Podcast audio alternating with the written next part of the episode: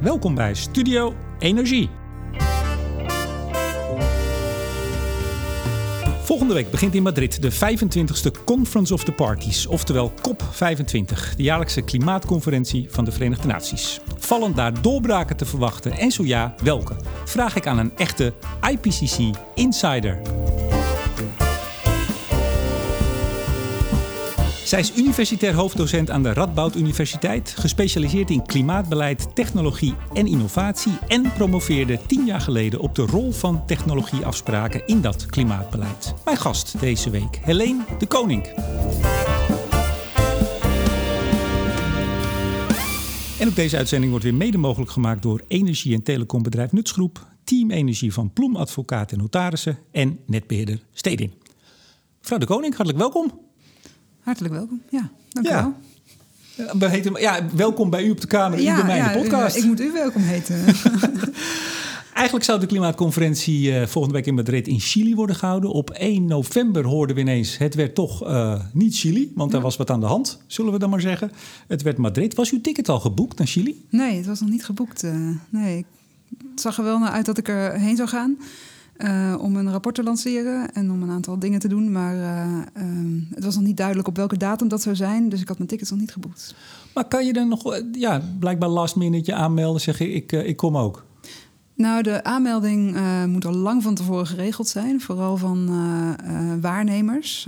ik ben natuurlijk geen onderhandelaar. Ik werk niet bij een overheid, dus ik zit niet in een Nederlandse delegatie of zo. Dat zijn anderen. Um, maar uh, als je bij een universiteit werkt of bij een uh, milieuorganisatie of bij een bedrijf, dan ga je erheen als uh, waarnemer, als observer organization. En die lijsten moeten al volgens mij ergens in september of oktober worden ingeleverd en daarna worden bevestigd. En in die bevestigingsfase, die is eigenlijk net pas afgerond, daar kun je nog wat wijzigingen maken in de namen. Dus iemand hier bij de universiteit die dat voor de Radboud Universiteit regelt, die kon het nog, nog allemaal wijzigen. Maar er is eigenlijk geen wijziging opgetreden. ik ga gewoon de eerste week om uh, daar wat dingen te doen. Um, en uh, ik vind het fijn, want ik kan nu de trein pakken in plaats van te vliegen. Kijk eens aan. En nog steeds dan dat rapport presenteren, neem ik aan. Wat zegt u? Dat rapport presenteren. Ja, nou, dat, uh, um, die uh, launch is toch uh, uitgesteld. Oh. Dus, dus dat gaat toch niet gebeuren. Nou, dan, laat, dan parkeren we die even. Nee, graag. Ja, maar ik vroeg me af, want jullie komen daar met duizenden mensen bij elkaar. In Madrid had, was daar nog even plek. Makkelijk, blijkbaar. Dat, dat vraag ik me ook af. Ja, dat moet een helse organisatie zijn geweest. zo, dat, dat, is ook geen licht besluit hoor, om zo'n grote meeting ja, te verschuiven. Ja, er best onrusten in, in Chili, hè? Ja, ja precies. Dus, dus, dat doe je niet zomaar. En ik, ik voel ook heel erg mee voor al die mensen op zeilboten... die uh, ineens rechtsomkeerd moeten maken, weet je? Die daar heen zouden gaan zeilen. Ja. En die zijn al lang vertrokken op het Daar moment ben ook hele flauwe grap over gemaakt. Hè? Ja, jammer ja. is dat. Ja. Hoeveelste kop wordt dit voor u? Oeh, ik heb niet geteld. Maar de eerste uh, was in 2003. Uh, dat was in, in Italië, in Milaan. Dat was maar een paar dagen. Um, daarna heb ik, ik heb er daarna wel één of twee overgeslagen, volgens mij. Maar, uh, ja, maar ik ben er al heel wat uh, geweest. Het is wel een diehard. nou, nou, het is voor mij, voor mijn onderzoek... ik ben natuurlijk al heel lang uh, klimaatbeleidsonderzoeker... is het echt de plek waar je de klimaatbeleidsmakers ontmoet... waar heel veel andere klimaatbeleidsonderzoekers zijn. Dus ja, het is eigenlijk een soort wetenschappelijke conferentie... Um, onderhandelingsplek um, netwerkplek uh, ineen. Je komt er allerlei uh, mensen tegen. Dus het is voor mij wel heel belangrijk om er, om er te zijn en, uh, en ja, ook inspiratie op te doen en te weten wat er speelt. En ook belangrijk om even op te melden, ik zei, of op te merken, ik zei in de intro IPCC Insider. Dat wil niet zeggen een kop insider. Nee, dat zijn twee hele verschillende ja. organisaties. Ja, de IPCC is echt het VN wetenschappelijk klimaatpanel. Dus, die dat is uw familie? Ja, dat is, die schrijven wetenschappelijke rapporten. Maar dan de wetenschappers die uh, die ook aan beleid werken, die lopen ook vaak op die kops rond. Uh, want daar wordt het beleid gemaakt, of met name het internationale beleid. Nationaal gebeurt het natuurlijk in de hoofdsteden. Um, en dat zijn dus wel twee hele verschillende uh, circuits. Nou, informeert het IPCC de UNFCCC, dus nou ja, de VN-klimaatonderhandelingen, wel. Dus daar wordt altijd heel veel gesproken over IPCC-rapporten. Maar het zijn wel twee verschillende circuits. Dus als je zegt, ik ben een IPCC-insider, dan, ja, daar is wel reden toe om dat te zeggen. Ik loop al lang rond en ik ben daar ook echt... Uh, ja, ik heb er op heel veel verschillende manieren aan bijgedragen. Uh, maar bij de UNFCC ben ik veel meer een waarnemer, een observer. van, het, van het proces. En dan kun je beter bij het ministerie van Klimaatbeleid vragen naar de insiders. De mensen die echt in de delegatie zitten. En er hangt op uw kamer, niet heel pontificaal, een beetje in een hoekje... een prachtige oorkonde van de ontvangst van de Nobelprijs. Ja, het IPCC heeft in uh, eh, 2007... Ja, maar bij je op naam staat keurig de naam ja, op, hè? Ja, ja. ja, dat was heel aardig van het IPCC, ja. Samen met El Gore hè, hebben ze de Nobelprijs voor de Vrede gedeeld. Hoi El, hoi Helene. Even samen de Nobelprijs halen. Ik niet dat hij mij kent. maar uh, ja, dus uh, de, de mensen die op dat moment betrokken waren bij het IPCC... in een auteursrol of een, als onderdeel van de technische ondersteuning... wat voor mij toen gold... Uh, die kregen een oorkonde met een naam in mooie gouden letters. Dus ja, dat is wel. Uh, ik, ik, ontvang nooit zoveel prijzen. Dus uh, nee, was wel een hele bijzondere. Ik, vind het ook mooi dat je hem niet meteen ziet als je binnenkomt. Hij hangt gewoon netjes in een hoekje. Ja, dat is ook. Nee, ja, natuurlijk. Even, we, we, gaan het hebben over een aantal dingen. We gaan het over de kop van volgende week hebben. Wat kunnen we daar verwachten? Ik zei het al. we gaan het vooral ook hebben over oplossingen. u bent gepromoveerd. Ik zei het niet voor niks in de intro. Ook op ja, technologieafspraken die een hele belangrijke rol kunnen spelen, moeten spelen, wellicht. Ja, ja, ja, ja, ik denk het wel. Ja, zeker. niet, te, niet te bescheiden. Um, daar gaan we het allemaal over hebben. Toch nog even het cv. Er zijn een aantal dingen gepasseerd. Even sneltreinvaart. Begon ook in Nijmegen met de studie. Ja. Um, Max Planck Instituut, jaartje. Ja, anderhalf jaar. Ja, ja. ja, ja. ik, ik, kijk, ik, ik, kijk alles na hoor. Uh, al in 2002 bent u, was u Scientific Officer bij de IPC Working Group 3. Ja. Een soort secretariaatsfunctie. Ja, dat is een soort uh, technisch secretariaat uh, waar ik toen meehielp met het organiseren van het Special Report over CO2-afvang en opslag. Dat in 2005 uiteindelijk uitkwam. Daar gaan we het vast nog wel even over hebben, over CCS. Ja, vast wel, ja. ja. Ehm, ruim tien jaar onderzoeker geweest bij ECN. Ja. En nu alweer sinds 2012 universitair hoofddocent, zoals het heet. Ja. Zeker. Volgende week Spanje, Madrid, met de trein. Ja. Met wat voor verwachting gaat u erheen? Um, eerlijk gezegd, van de onderhandelingen zelf, wat er op de agenda staat, nou, ik begrijp, want meestal ga ik er een paar dagen heen en dan doe je je eigen events en je praat met een paar mensen, maar je zit niet heel erg, uh, je bent niet heel erg betrokken bij de onderhandelingen, zeker niet als onderzoeker zoals ik. Um, maar wat op de agenda staat, staat vooral uh, artikel 6 in het Parijsakkoord. En dat gaat over, eigenlijk over nieuwe vormen van emissiehandel. En ook niet-emissiehandel. Dus eigenlijk de niet-marktgebaseerde maatregelen die je kunt nemen. En uh, de hoop is dat er in Parijs een uh, afspraak wordt gemaakt over wat de regels worden. In Madrid. Sorry, nee, zeg ik nee. Parijs? Ja, Madrid. dat is nog ietsje verder. Um, wat er voor uh, afspraken komen over uh, ja, hoe je die credits kunt gaan uitwisselen tussen landen en uh, wat daar precies de regels van worden. Er zijn, er al heel veel ervaring over. Hè. Onder het Kyoto-protocol was er emissiehandel en was er ook het Clean Development Mechanism. Um, daar is een hoop kritiek op gekomen, um, maar het heeft ook wel heel veel gebracht. en ja, dus er wordt nu kritisch gekeken naar die die regels, welke regels daarvan moet je nou overnemen voor het Parijsakkoord en de marktmechanismen daarin? En uh, uh, ja, welke regels moet je uh, misschien strenger maken? Um, maar dat, dus ik denk dat dat het voornaamste is wat op de agenda staat. En ik denk dat we wel blij mogen zijn als ze er überhaupt uitkomen. Want het is heel erg controversieel. Hè? Er zijn landen die willen graag heel veel credits verkopen. Um, er zijn landen die, uh, die, het, ja, die heel scherp zijn op, op de regels, juist vanwege die ervaringen met het uh, eerdere Clean Development Mechanism. Mm -hmm. um, daar was een van de grote kritiekpunten was dat heel veel projecten um, waar dan credits voor werden verkocht, sowieso al zouden gebeuren. Dus een windenergieproject in nou ja, Marokko of zo. Um, niet dat het helemaal in de planning stond, maar het was niet dat die CO2-credit nou het project echt helemaal over de drempel uh, uh, trokken. Waarschijnlijk was het sowieso wel gebeurd. En als dat dus, als je dan toch credit krijgt voor dat soort projecten, dat betekent dat elders niet emissies worden gereduceerd. Dus dan krijg je eigenlijk een netto een toename van emissies wereldwijd. Ja. terwijl er een windenergieproject wordt gerealiseerd. Dus dat soort, dat soort uh, situaties wil je voorkomen. Ja, u zegt best wel controversieel. Ja. Is dit nou een top? Of is dat, als u het niet kunt inschatten, zegt u gewoon, dat kan ik niet inschatten. Maar is dit nou zo'n top waarvan we later zeggen, oh ja, dat was Madrid, dat was een belangrijke. We hebben het Kopenhagen, dat was een belangrijke omdat die de boeken in is gaan als zeer mislukt. Ja. Uh, daar, volgens mij, uw, uh, uw thesis werd daar... Uh, mijn, mijn thesis voorspelde dat een paar maanden van tevoren. Ja, nou, Parijs, dat kennen we allemaal. Vorig jaar Polen, ja, was dat nou, was dat nou heel veel? Ja. Hoe, hoe, schat u deze in? Is dit echt van een, een zekere omvang? Nou, als... ja, ik weet niet, lang geleden was er de, de top in Marrakesh in 2001. En daar werd toen ook het, het rulebook van, uh, van het Clean Development Mechanism echt in neergelegd. Dus ik denk in de wereld van de emissiehandel en van die, die CO2-offsetting, eigenlijk compensatieprojecten. Um, als ze eruit komen in, in Madrid, dan kan dat inderdaad zo'n moment worden. Dan wordt het een soort Marrakesh-achtig verhaal. Maar het is niet op het niveau van Parijs of Kyoto of, uh, of Kopenhagen... wat inderdaad een soort negatief voorbeeld is van een, uh, een, mijl, een mijlpaal. Meer, meer, iets voor de Josko Seinsen van deze wereld. Exact, ja. ja. Komt u vaak tegen? Die gaat ja, ook die altijd regelmatig ja, tegen. Dit is echt zijn ding, hè? Dat is een vaste prik op de kop. maar even, ik begrijp ook dat um, deze week beginnen ze al want neem ons eens mee.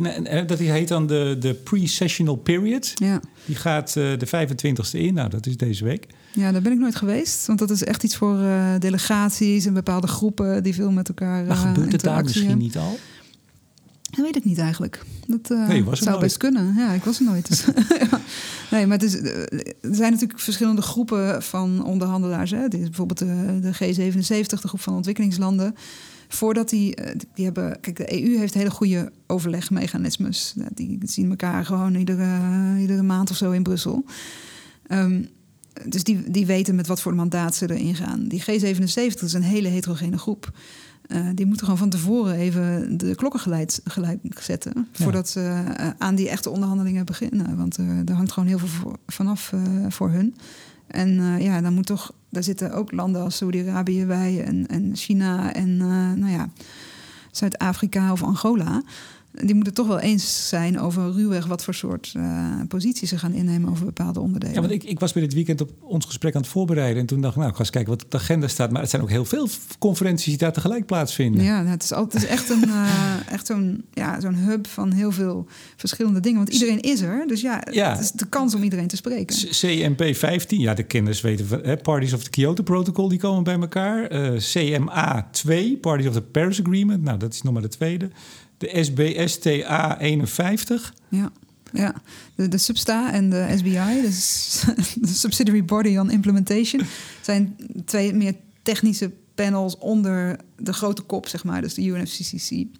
En die uh, vinden altijd twee keer per jaar uh, plaats. Vandaar dat het, het aantal uh, kops maal twee is ongeveer het aantal substa's en SBI's. Ja, Zouden er nog mensen luisteren nu, denkt u? Ja, dat vraag ik me ook af. Ja, het is een beetje een uh, afkortingenbrei. Uh, ja. ik, ik wil even naar vorig jaar. Want toen, uh, u was een van de hoofdauteurs van SR. ja, ik zeg altijd 15. En we, ja, voor, voor deze uitzending over. kwamen we over dat het misschien wel anderhalf is. Want het gaat over het verschil tussen de gevolgen van anderhalve graden en twee graden. Ja, ja ik noem het altijd het anderhalve graden rapport. Ja, misschien zit ik al jaren mis. Althans, een jaar dan in dit geval. Um, maar die werd nou weer niet in Polen bij de kop gepresenteerd. Maar dat was weer in Korea. En daar was u toen, in oktober. Um, ja, maar dat was de goedkeuringssessie van het rapport. Ah. Dat was begin oktober. Het is daarna ook gepresenteerd uh, uh, in de Substa. in de Subsidiary Body for Science and, uh, and Technological Advice, volgens mij. Dus ja, de Science, zeg maar, IPCC rapporteert vaak aan de Substa. Als, omdat dat het body is binnen de ja. Die daarover gaat. Even over het, over het rapport. Ja. Want dat was wel een... Dat was wel een mijlpaal, ja. Ja, hè? Ja, ja, ja. Grote verschillen tussen die anderhalf en twee graden. Want we zeggen zo makkelijk uh, uh, well below two degrees. Ja. En streven naar die anderhalf. Maar dat maakt nogal iets uit. Um, wat, wat, was uw rol in het rapport? Ik was uh, hoofdauteur van een van de hoofdstukken. Er waren vijf hoofdstukken. En één hoofdstuk ging over... de titel was Strengthening and Implementing the Global Response. Dus hoe krijg je actie op het gebied van mitigatie en adaptatie versterkt. En hoe implementeer je dat? Dus echt een beetje het meer praktische hoofdstuk. Het gaat over beleid, financiering, capaciteit, innovatie. Um, en dus over zowel mitigatie als adaptatie. Dus de eerste keer in de IPCC-geschiedenis dat dat samen in, überhaupt in één rapport zit, maar ook in, uh, in één hoofdstuk. Um, en uh, ja, samen met uh, mijn mede-hoofdauteur Aroma Revi uit, uit India uh, leiden we een groep van uh, nou ja, 15 auteurs uit de hele wereld die dat hoofdstuk uh, samenstelden. Ja, want niet om uw bijdrage te kort te doen, uiteraard, maar er zijn heel veel hoofdauteurs wel, hè, dan voor zo'n heel rapport. Ja, er waren er 15 in totaal. Oh, dat valt. Ik dacht dat het ja. meer waren. Nee, de, de, bij de grotere rapporten zijn het, er, zijn het er vaak meer. Want er zijn, weet je wel, bij bijvoorbeeld nu het zesde assessmentrapport dat er aankomt. Ben ik gewoon uh, auteur in. Maar daar zitten, Oh, daar zitten 17 eh, hoofdstukken in. De- en ja, je hebt zeker twee CLA's, eh, de hoofdauteurs per hoofdstuk. Dus ja, dan heb je het over een groep van eh 35 Want u was dat met, met Linda Steg. Die was ook was van een ander hoofdstuk. Linda Steg uit Groningen. Nee, zij was auteur in mijn hoofdstuk. Ah. Ja. Ja, dus eh, er waren in totaal eh 90 auteurs, ongeveer 91 volgens mij, in het hele rapport, in het anderhalf graden rapport, eh, waarvan eh 15 hoofdauteurs. Als je nou zo'n rapport op een gegeven moment af hebt, dan neem ik aan dat u ook het hele rapport even leest. Eh, ja, in principe wel, ja. In principe wel. Meer hoeft u niet te zeggen, dat is helder. Maar in ieder geval, de, nou ja, volgens mij de, de management of de, de, de policy eh, samenvatting was al Ja. 45 eh, pagina's. Nou, dan Hmm. krijg je volgens mij toch een, 20 of zo, ja. Ja. toch een goed beeld. Ja. Schrikt u dan zelf? Ja, ik schrok daarvan, ja. Ja, dat kan ik echt... eh, eh, zeker die, die resultaten van hoofdstuk 3. Dat hoofdstuk gaat dus over de impact. Dus over wat is het verschil tussen anderhalf en twee.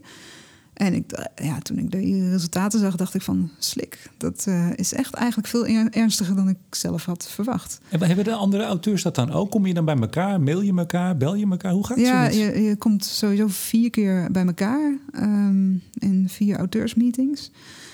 Eh, en dan eh, bespreek je ook met elkaar, zeker de hoofdauteurs onderling, want die eh, komen nog iets vaker bij elkaar. ehm, van ja, wat zijn nou de resultaten en hoe hangen ze met elkaar samen? Ehm, en ja, dan komt dus langzamerhand wordt er duidelijk wat er in hoofdstuk 3 gaat staan. Hè? Dus in hoofdstuk 1 staat dan, oké, we zitten al op 1 graden temperatuurstijging.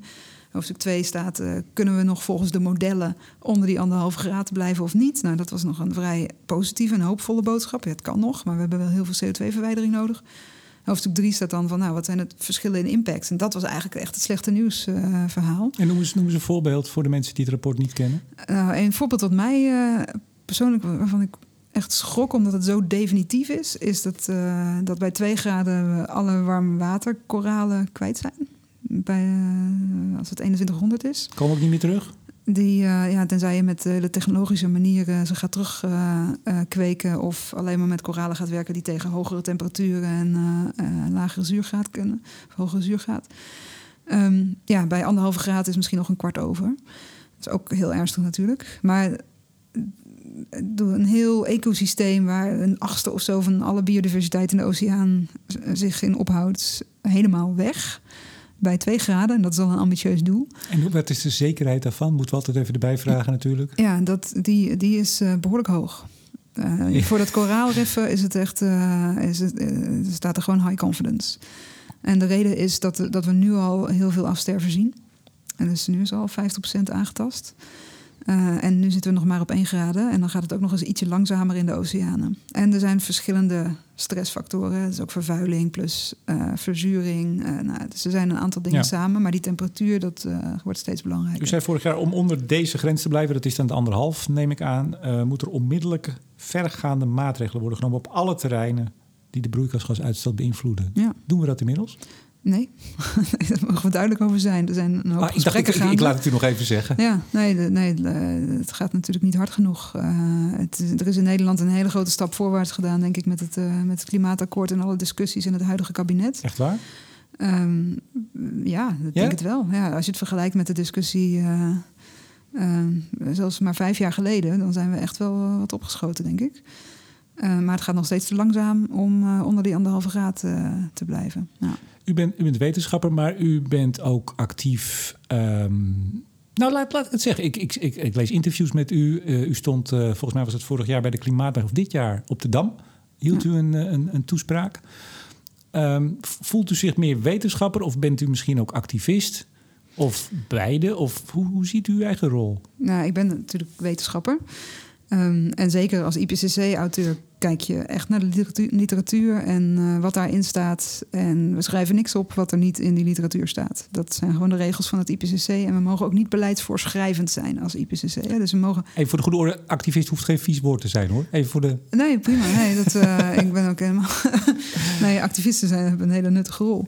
Nee, maar ik denk wel dat. Kijk, als wetenschapper lees ik de resultaten en ooit, weet je, ooit ben ik in mijn studie scheikunde geïnteresseerd geraakt in het klimaatvraagstuk. In eerste instantie vooral omdat het gewoon wetenschappelijk heel erg interessant is. Hoe toon je nou aan, zonder dat je een tweede aarde hebt als counterfactual, zeg maar, eh, dat je eh, dat er iets aan het gebeuren is en dat dat door mensen komt. Terwijl het zo'n complex uh, systeem is. Waar nog dus steeds niet iedereen van overtuigd is. Precies, ja. ja. En dat is natuurlijk ja, uh, dat heeft heel veel verschillende redenen. Maar, uh, maar een van die redenen is dat uh, volledige zekerheid waarschijnlijk gewoon nooit te geven is. Tenzij het allemaal al gebeurd is. En dan ben je te laat. Um, dus die, die fascinatie, zo ben ik er een beetje in, ingerold. Uh, maar ik begon ook al snel te denken van ja, is het nou, is het nou die atmosferische chemie?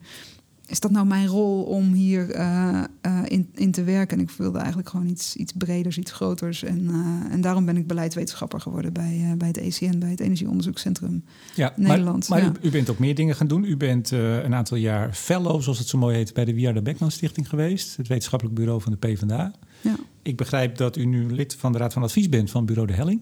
Ja, wetenschappelijk bureau GroenLinks. Ook, ook misschien politiek overgestapt van het een naar het andere nee, kamp? Nee, ik ben uh, lid van de PvdA. Dat kan ik ook. ja, dat, dat zegt u ook maar, vaker in, ja. uh, in interviews, dus ja. dat is geen geheim. Nee, dat is geen geheim. Nee, ik ben ook maar een mens. Nou, en, zeker. en, uh, en een burger. En, en een betrokken burger die, die lid is van een politieke partij.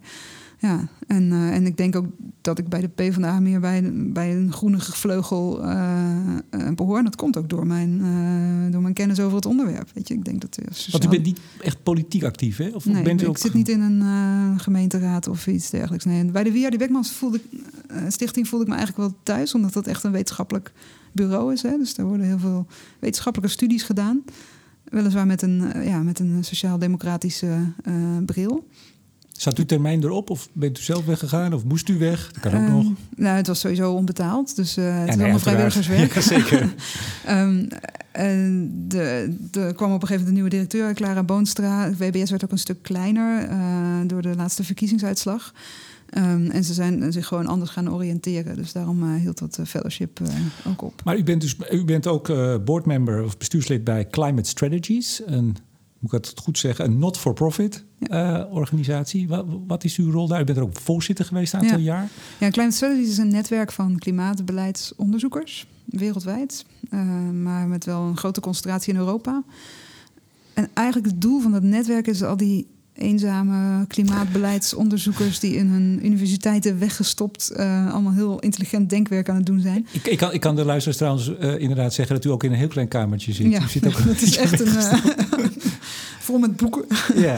um, en die, ja, die, die, die, die, die, ja, die, die eenzame wetenschappers, zeg maar, die willen vaak wel relevant werk doen, maar weten niet zo goed hoe ze beleidsmakers moeten bereiken. En daar helpt uh, climate strategies bij door die links te leggen tussen beleid en wetenschap. Maar ook door die wetenschappers te vertellen van nou, weet je, uh, aan dit soort kennis is meer behoefte en dit soort publicaties is meer behoefte dan aan, aan dit soort kennis. Weet je? Dus zij faciliteren wetenschappers ook in het beleid relevanter zijn in hun onderzoek op het gebied ja. van uh, klimaat. U begon net te zeggen dat alleen maar aan de studie, alleen maar hier binnen de muren van de wetenschap is misschien, hè, u wil wat meer doen, als ik het even zo ja, uh, vertaal. Voor mij wel, ja. Kijken collega's ook wel eens met een andere bril naar u? Want er zijn natuurlijk heel veel, de meeste van uw collega's doen alleen maar het wetenschappelijke werk. Nou, je ziet wel steeds meer. Het is ook een opdracht nu aan de universiteiten om meer impact te hebben.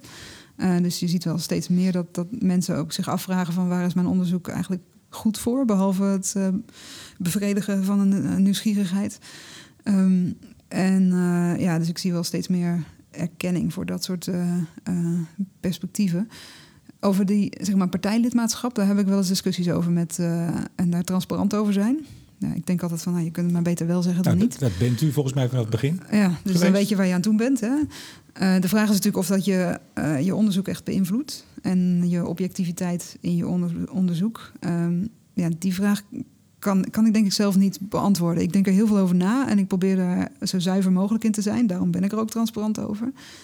Um, maar uh, ja, als mensen vinden dat dat toch mijn onderzoek kleurt, wat ik dus niet denk, weet je, ik doe er echt mijn best voor, um, dan, uh, ja, dan, hoor ik het graag. En er zijn wel mensen die zeggen van, nou, ik hoor van anderen dat ze, weet je wel, Helene Koning niet meer vertrouwen over bepaalde onderwerpen, omdat ze lid is van een, uh, van een, van een partij. Ja, ik denk ook van, nou, wie, welke wetenschapper heeft geen verleden, weet je? Iedereen is gewoon ook een mens en gaat, heeft toch bepaalde beelden die hun, hun, hun daden en hun keuzes uh, kleur. Nou, laat, laat, laat, ik u, laat er zelf een eentje uitpakken misschien.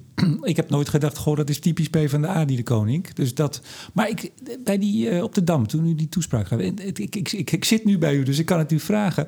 Toen zei u, dan moet ik even kijken pardon, hoe u het uh, precies zei. U zei, ja, zelfs het KNMI... Um, uh, zegt eigenlijk nu al, of verwacht al, dat de zeespiegelstijging. Uh, moet ik even kijken waar het zegt hoor.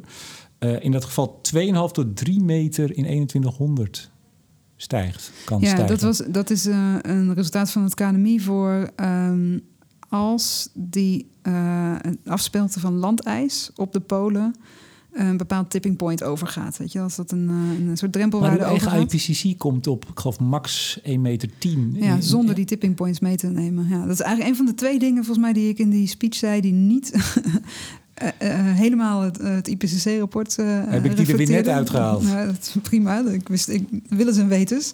Maar ik wil het ook een beetje, niet alleen maar naar het hele mondiale praatje, maar ook een beetje naar Nederland brengen. En dan is het KNMI volgens mij de betrouwbaarste bron op dit gebied. Nou, weet u waarom? Ik had een paar weken geleden Extinction Rebellion te gast mm -hmm. hier. En die zeggen bijvoorbeeld, ja, dat IPCC, dat is natuurlijk hartstikke prachtig. Maar er zitten allerlei tekortkomingen in. Bijvoorbeeld die tipping points en die positieve feedbacks die dus negatief zijn voor de goede orde. Precies. Um, toen dacht ik, ja, een van mijn vragen in, in dat interview was ook van ja, bent u niet bang dat daarmee het hele IPCC, waar, waar tot 30 jaar aan gewerkt is om, hè, om, een, om een heel breed gedragen beeld van de wetenschap te krijgen, dat dat ondermijnd wordt door dat soort bijzondere, ja, u glimlacht al, dat soort bijzondere aspecten eruit halen van ja, als, als, hè, terwijl de officiële IPCC-rapporten gaan dus nogmaals uit van die 1,10 ja. in 2100 zonder die tipping point. Ja, precies. Maar ook in het anderhalve graad rapport hè, con concluderen we dat en dat tipping point voor dat irreversibel afsmelten van dat landijs op die polen, dat dat de best guess is, zeg maar, dat dat ergens tussen anderhalf en twee zou kunnen liggen, of iets boven de twee. Dus dat betekent dus als je naar twee gaat, dat je daar een groter risico opneemt. Dus dat zeggen we wel, maar het is onmogelijk om op dat moment daar, uh, daar een waarschijnlijkheid aan te koppelen. Um, ja, laatst stond ook volgens mij in de New York Times, meen ik, stond ook zo'n kop van. Uh, uh, ja, dat ze inderdaad probeerden de wetenschap de schuld te geven van de, de ellende waar we, nu, uh, waar we nu tegenaan aan het kijken zijn. Zoals ook ja. de, de, IEA, ik had vorige week meneer Birol te gast, die wordt ook weer aangekeken dat hun uh, scenario's eigenlijk verantwoordelijk zijn voor drie graden. Mm, ja, ja, die, die hebben ja. we ook nog. Ja, dat, is, dat, is, het blijft natuurlijk moeilijk. Maar, weet je wel? Waar, waar, ligt die, waar ligt die verantwoordelijkheid? Maar, maar, maar ja, het IPC, kijk, we, de IPCC heeft gewoon regels. Hè? En die regels zijn er met een reden. Kijk, als het IPCC uh, zich zou baseren op bijvoorbeeld veel meer grijze literatuur, dus niet wetenschappelijk verantwoorde literatuur, uh, en die checks en balances zouden er niet zo in zitten, um, dan zouden de rapporten van de IPCC minder acceptabel zijn voor de regeringen die het IPCC aan, aansturen. En daarmee uh, ja, zou je dus eigenlijk het IPCC zelf ook weer ondermijnen. Ik denk dat het anderhalve graad rapport al ja, veel breder was in het soort literatuur wat het meenam. Moest ook wel, want er was niet zo heel veel uh, uh, ja, peer-reviewed liter literatuur. Daar gaat gewoon tijd overheen. Dat rapport moet snel af. Um, dus ja, ik denk dat er behoefte blijft aan, aan zo'n soort organisatie. Wat vervolgens andere organisaties daar weer mee doen. En je hebt natuurlijk heel veel wetenschappelijke organisaties die wel wat activistischer uh, zijn, denktanks en dergelijke. Die ook goed wetenschappelijk werk doen, maar daar veel meer een uh, idealistisch uh, sausje overheen. Ja, ik dacht toen ik u daar op de dam zag staan, toen dacht ik, ja, niemand gaat die nuances die u nu zo uitlegt over die 2,5 tot 3 meter zeespiegel, gaat die horen. Die horen gewoon de koning, klimaatwetenschapper, zo noemen ze u dan, mm -hmm. zegt 2,5 tot 3 meter. Ja. Ja, nou ja, als je de tekst leest, staat het er volgens mij wel verantwoord. En in lijn met wat het KNMI uh, uh, zet. Maar het, ja, het gaat echt om die tipping points en wat daar uh, in, in, in, kan gebeuren. Maar ja. ook daar zijn weer. Maar je kiest ook je woorden voor je publiek, neem ik aan. Uiteraard, dat zou ik ook ja, doen. dat is natuurlijk ja. heel, heel allemaal zorgvuldig afgestemd. Zeker.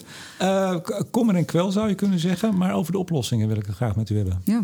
Ja. Ja, ja. ja ga, er, ga er maar ga even voor zitten. staan, ja. even een slokje water. Doe dat. Um, wat ik al zei, 2009 bent u gepromoveerd, eigenlijk vlak voor uh, uh, Kopenhagen. Ja.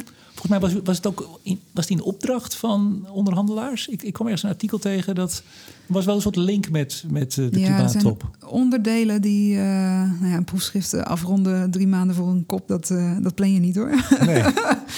Dus, nee, nee, dat ik aan een PhD ben begonnen naast mijn werk bij ACN. En daar kreeg ik ook trouwens tijd voor van ACN, maar het was ook een gedeelte vakantie. Uh, dat kwam gewoon omdat ik zelf, uh, jij zei het net ook al, op een gegeven moment ben je uitgekeken op de projectjes. Hè? En dan wil je wat dieper gaan. En voor mij was dat in een PhD-project. Um, en ja, ik kwam eigenlijk al vrij snel uit op dat, dat technologieonderwerp. Want ik vond eigenlijk de hele discussies in de klimaatonderhandelingen, vooral de manier waarop de EU dat inzette, met nou, iedereen moet het maar ongeveer doen zoals wij het willen doen. Ja, dat, dat leek me um, al vanuit politiek-economie perspectief gewoon heel uh, moeilijk. Ik had een tijdje in de VS gezeten en daar kwam ik er al heel snel achter dat het daar totaal niet op die manier over wordt nagedacht. Um, maar goed, de vraag is, hoe schrijf je zoiets op in een proefschrift? En uh, dan doe je een aantal, dat gaat meestal met een aantal artikelen die je moet publiceren. En een van die artikelen was inderdaad uh, een studie in opdracht van het ministerie van Vrom, volgens mij toen nog. Uh, die ook wel wilde weten van nou, wat kunnen we nou verwachten van technologie in die onderhandelingen. We zien dat daar nu een onderhandelingsspoor naartoe gaat. Hoe moeten we daarover nadenken? Hoe kunnen wij als EU en als Nederland daarin handelen? Uh, en, en zit daar nou wat in? En, uh, Laten we eerst even voor de luisteraar misschien uitleggen wat, zoals het dan heet, een technology-oriented agreement is. Ja, dat is het onderwerp van mijn proefschrift. Ja, ja nee, dat, dat, hoor je niet zo vaak. Nee. um, dat is eigenlijk een, uh, een afspraak over de implementatie of ontwikkeling van een bepaalde technologie. Je kunt het ook hebben over bijvoorbeeld, bijvoorbeeld sectoren. Weet je wel? Dat je bijvoorbeeld zegt van nou, weet je wel, met de staalsector gaan we wereldwijd. Er zijn niet zo heel veel landen die een staalfabriek hebben. Uh, misschien een stuk of 15, 20. Uh, stel dat je met een kleine groep landen een afspraak weet te maken over wat voor soort technologieën je kunt implementeren. Dan heb je niet het hele 190 landen circus nodig kunt met bedrijven makkelijker samenwerken en dan misschien wel tot. Ja, ja een schonere technologie, komen. daar spreek je met z'n allen af, dat gaan we doen. Ja. Nou, waarom doen we dat niet? Um, omdat ook dat niet eenvoudig is, maar ook wel omdat eigenlijk de. Um, de, de, gouden standaard op dit moment lijkt een beetje te zijn van nou, we landen spreken emissiereductiedoelstellingen af. Um, en, uh, en doen dat op een economisch zo efficiënt mogelijke uh, manier. Dus, uh, en het instrument wat daarbij hoort, in ieder geval volgens de meer klassieke economische theorie, is ja, je, je zet een prijs op CO2. Um, en je gaat, uh, vervolgens gaat de economie daar zorgen dat ze daar de, de laagste kostenopties voor, uh, voor gaan uh, implementeren. Ja, de, meneer ja. Birol van het IAA zei vorige week bij mij it's the, over carbon price: it's the best solution from a theoretical perspective. Ja, precies. En, the political en, will is not there. En nu het praktische, praktische ja, maar verhaal. Ik vond, want als je uw, ik heb niet het hele, de hele, hele proefschrift gelezen. Oh, nee? Moet ik, nee, dat nou, moet ik bekennen. Maar ik heb er wel uh, uh, over gelezen. Ik heb toen ook wat interviews gegeven. Uh, ik vond het wel een mooi voorbeeld. China bouwt goedkope, inefficiënte cementovens. kwam ik ergens tegen. Japan heeft state-of-the-art ovens. die kunnen dat leveren. bouw wordt gefinancierd met de energiebesparing van, door de Chinezen. Ja, ja bijvoorbeeld. Dat, uh, Toen zei u alleen, ja. je moet oppassen dat de Chinezen weer niet de technologie hadden natuurlijk. U zei het netter, maar... maar dat, goed, dat is er weer afgeleid. Een, uh, blijft een aandachtspunt, ja. Maar als je het leest en u geeft meer van die voorbeelden... dan denk je, ja, hoe moeilijk kan het zijn? Ja, en er gebeurt ook wel wat, uh, wat bilateraal, hè? Maar het, het, hoe moeilijk kan het zijn? Het is... uiteindelijk hangt er ook heel veel samen met hoe een land zelf... want een land heeft soevereiniteit over wat ze zelf doen... Uh, waar zijn prioriteiten zitten, hoe makkelijk het investeren is uh, in een land, uh, of er capaciteit is om bepaalde technologieën te implementeren en, en ook aan de gang te houden. want ja, als je een, we kennen ook uit de ontwikkelingsstudieswereld hè, de, de beroemde White Elephant projecten. Weet je wel, we leveren gewoon tractoren aan aan boeren in Ethiopië. Klaar. en, en zoek het maar uit, weet je wel. Terwijl ze geen geld hebben voor brandstof, uh, geen uh, reparatieonderdelen kunnen krijgen en uh, mensen niet, niet weten hoe ze ermee om moeten gaan, zeg maar. Dus het, het vergt best wel wat capaciteit. En ja, de laatste tijd ben ik wat meer opgeschoven naar meer die zachte kant van, van technologie.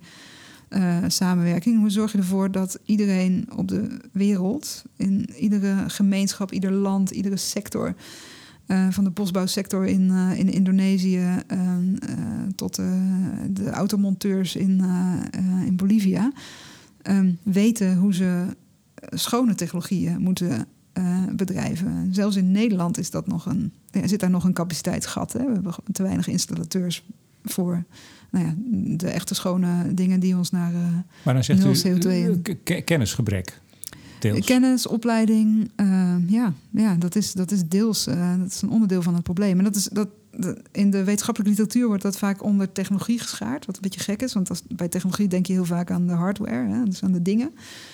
Ehm, maar dingen zijn nooit alleen maar dingen. Er, moet altijd, zit altijd een, een menselijke kenniscomponent aan en een vaardigheidcomponent.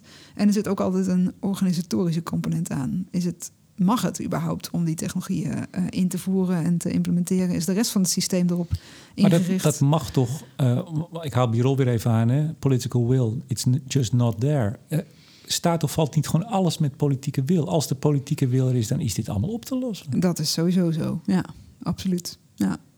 De vraag is, hoe krijg, je, hoe krijg je die... die, die ook een van de basisstellingen in mijn proefschrift was van... Ja, waarom zou de, een land als de VS, dat is tien jaar geleden...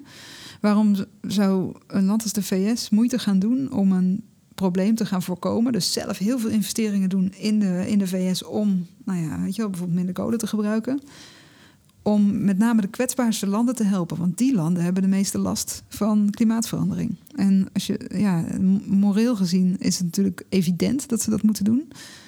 Uh, maar praktisch gezien is, uh, ja, uh, als je het echt in een politieke economie Is het heel context dom om zet, het te doen zelfs? Is het, ja, is, het werkt de wereld allemaal gewoon zo ga je sterk maken. Ja, precies. ja. Maar is dat niet gewoon de cynische realiteit? De, de cynische realiteit is dat het niet in het belang is van de rijke landen om hun emissies te reduceren. In ieder geval tien jaar geleden. Maar dat begint te verschuiven. Dat begint wel echt te verschuiven. Want de impact beginnen nu ook hier, ook in de VS, echt. eh, mensen beginnen dat echt te voelen. En je ziet ook daar echt wel bewegingen opkomen om er wel echt meer aan, aan te doen. Maar uiteindelijk handelen landen vanuit eigen belang. Ja, want ha- hadden we al het eh, Fair Climate Fund genoemd net? Nee, hè?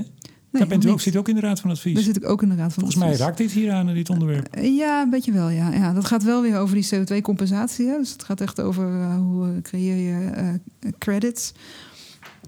Ehm, maar eh, ja, ik vond het, een? Fair. ik vind het een interessante organisatie. Omdat ze, eh, ja, ze proberen echt de meest verantwoorde CO2-compensatie...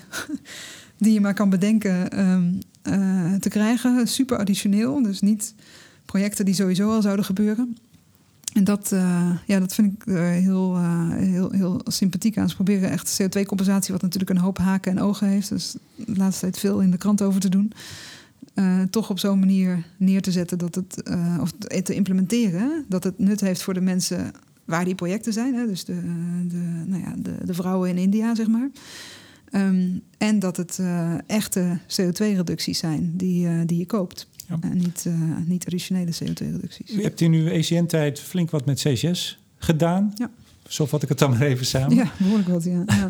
Als u nu kijkt naar hoe, eh, nou bijvoorbeeld ook in Nederland, eh, er door NGO's tegen CCS wordt aangekeken. Ehm, hoe oordeelt u over toch het, die geef ik u dan maar even, toch vaak het stokpaardjes bereiden, wat ik zie in ieder geval bij sommige organisaties. Ik heb het niet alleen over NGO's, hè. technologieën worden soms uitgesloten eh, op voorhand, of het dan kernenergie is, of CCS, of misschien soms biomassa. Ehm, in het eh, SR 15 of 1.5 eh, eh, stonden heel veel paden ook uitgewerkt. Dat leek toch wel dat bij de meeste er een aantal van deze nodig zijn. Ja. ja, met name CCS. Ja. En, en biomassa trouwens. Kernenergie kunnen we Hebt u daar zelf zonder. een opvatting over, over het gebruik daarvan? Ja, ja, ik zie CCS wel als een, ja, als een soort noodzakelijk kwaad. Ehm, het is niet de, de fijnste technologie. Het is, ja, het is uiteindelijk niet duurzaam. Het heeft echt haken en ogen. Ehm, maar tegelijkertijd eh, zie ik met name voor de industrie.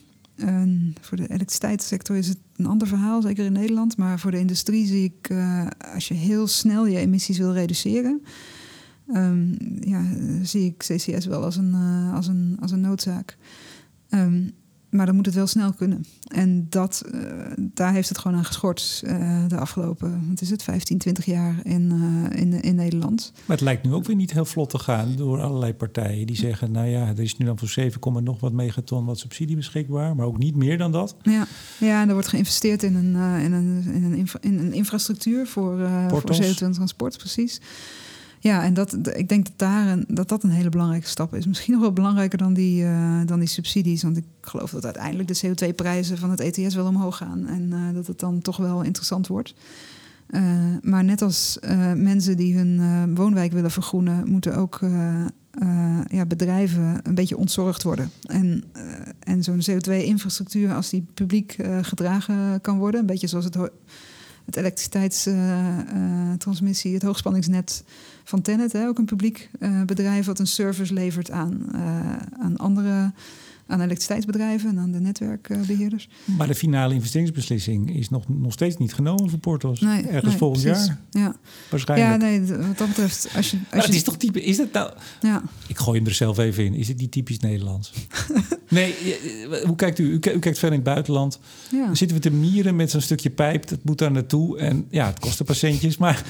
maar nog steeds, want het lijkt alsof het er komt, maar we hebben nog steeds geen finale investeringsbeslissing. Ja. Kastelein zei het laatst nog van uh, de baas van de poort. Ja, het, het, is jammer. Volgens mij, om het, om het nuttig te laten zijn, moet je het snel, snel doen. Anders dan. En als je ook overheid ingehaald. garant gaan staan. Zeggen, nou, oké, okay, dat ding komt er. Weet dat, uh, industrie. Hij, hij ligt er over nou, twee Ja. jaar. Ja, en daar is natuurlijk de afgelopen jaren ook wel het een en ander gebeurd. Ook, ook op het gebied van, uh, van CO2-afvang en opslag. Met een overheid die uh, bepaalde beslissingen neemt en ergens voor ging staan. En uiteindelijk uh, ook weer terugkrabbelt. Ook vanwege publieke druk. Uh, rondom het Barendrecht-project bijvoorbeeld. Werkt, dat speelde ook ongeveer Ja. tien jaar geleden. Ja, en daar, daar is echt. Volgens mij wat er ook is gebeurd, is dat we gewoon ja, acht jaar nodig hadden om ja, te herstellen van, die, van dat trauma van, van Barendrecht. En dat niemand durfde het er gewoon over. Het was gewoon politieke zelfmoord om over CO2-afvang en opslag te beginnen. Dus Op niemand, land, ja, maar op zee toch niet? Nou ja, op, ja, op land was sowieso, nou ja, dat was gewoon directe zelfmoord. Maar op zee was het ook niet een populaire optie. Want het was gewoon, de publieke opinie was gewoon helemaal... Uh, P- PvdA heeft het niet zo slim aangepakt toen met minister Kramer. nou, dat, die hele... Nou ja, de hele discussie rondom Barendrecht was gewoon een communicatieramp. Dat- Gelooft u mij nou maar, het komt goed. Dat Ja, was eigenlijk een ja. beetje de boodschap. Ja, ja. En, en wat, maar ook wat Shell daar heeft gedaan, weet je, met de voorlichting was gewoon. Ja, uiteindelijk werden gewoon de voorlichters niet vertrouwd. Ja. En ze begonnen veel te laat. Weet je? Mensen moesten min of meer uit de krant lezen dat het uh, gebeurde. Dus ja, mijn collega's bij ECN hebben dat uitgebreid uh, uh, doorgeakkerd. Dat is een heel leuk rapportje. What happened in Barendrecht? Dat het echt allemaal.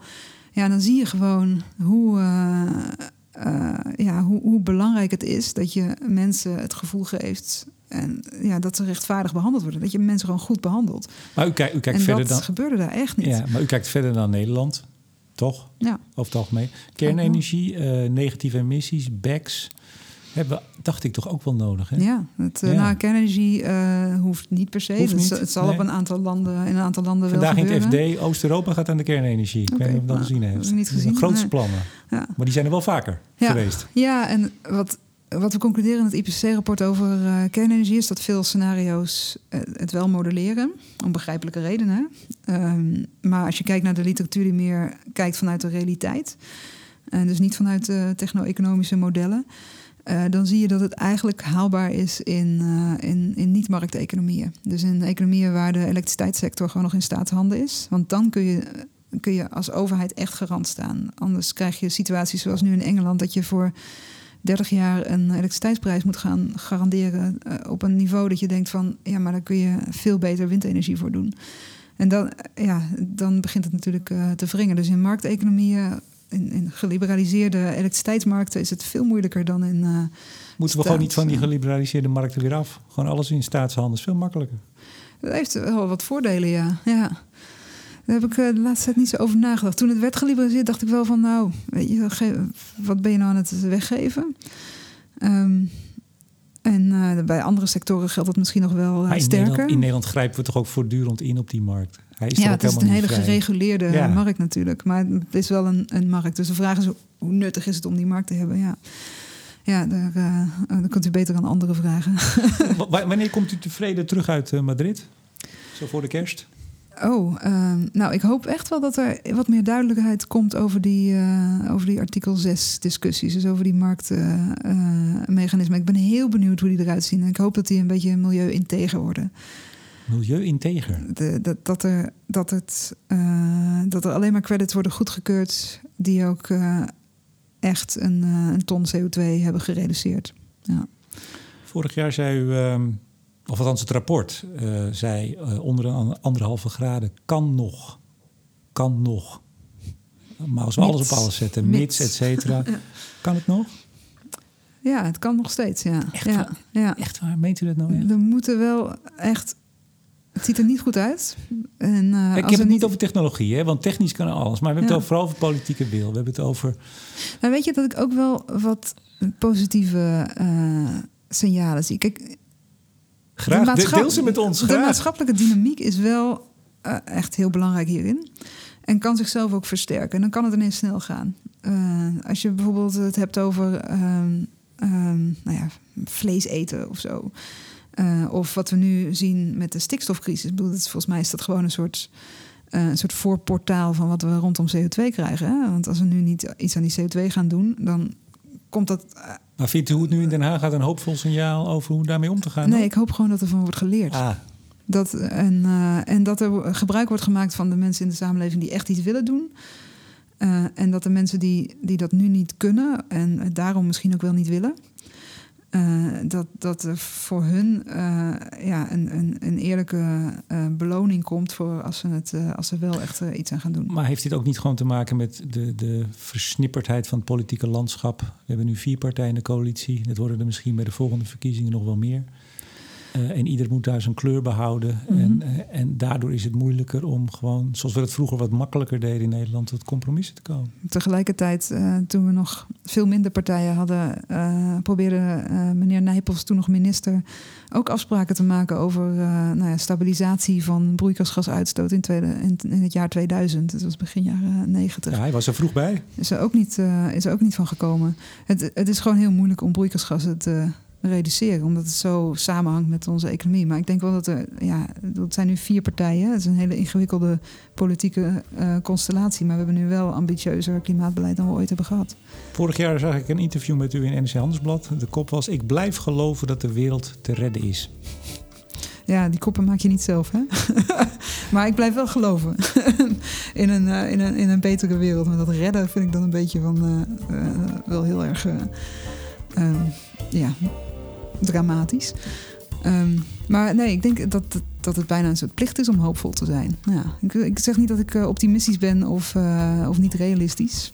Maar dat je wel kijkt van waar kun je nou realistisch nog hoop in vinden? En kun je dan daarop inzetten en die maatschappelijke dynamiek een zetje geven op zo'n manier dat het, dat het zichzelf versterkt. In plaats van dat je voor iedere maatregel een gevecht moet gaan leveren.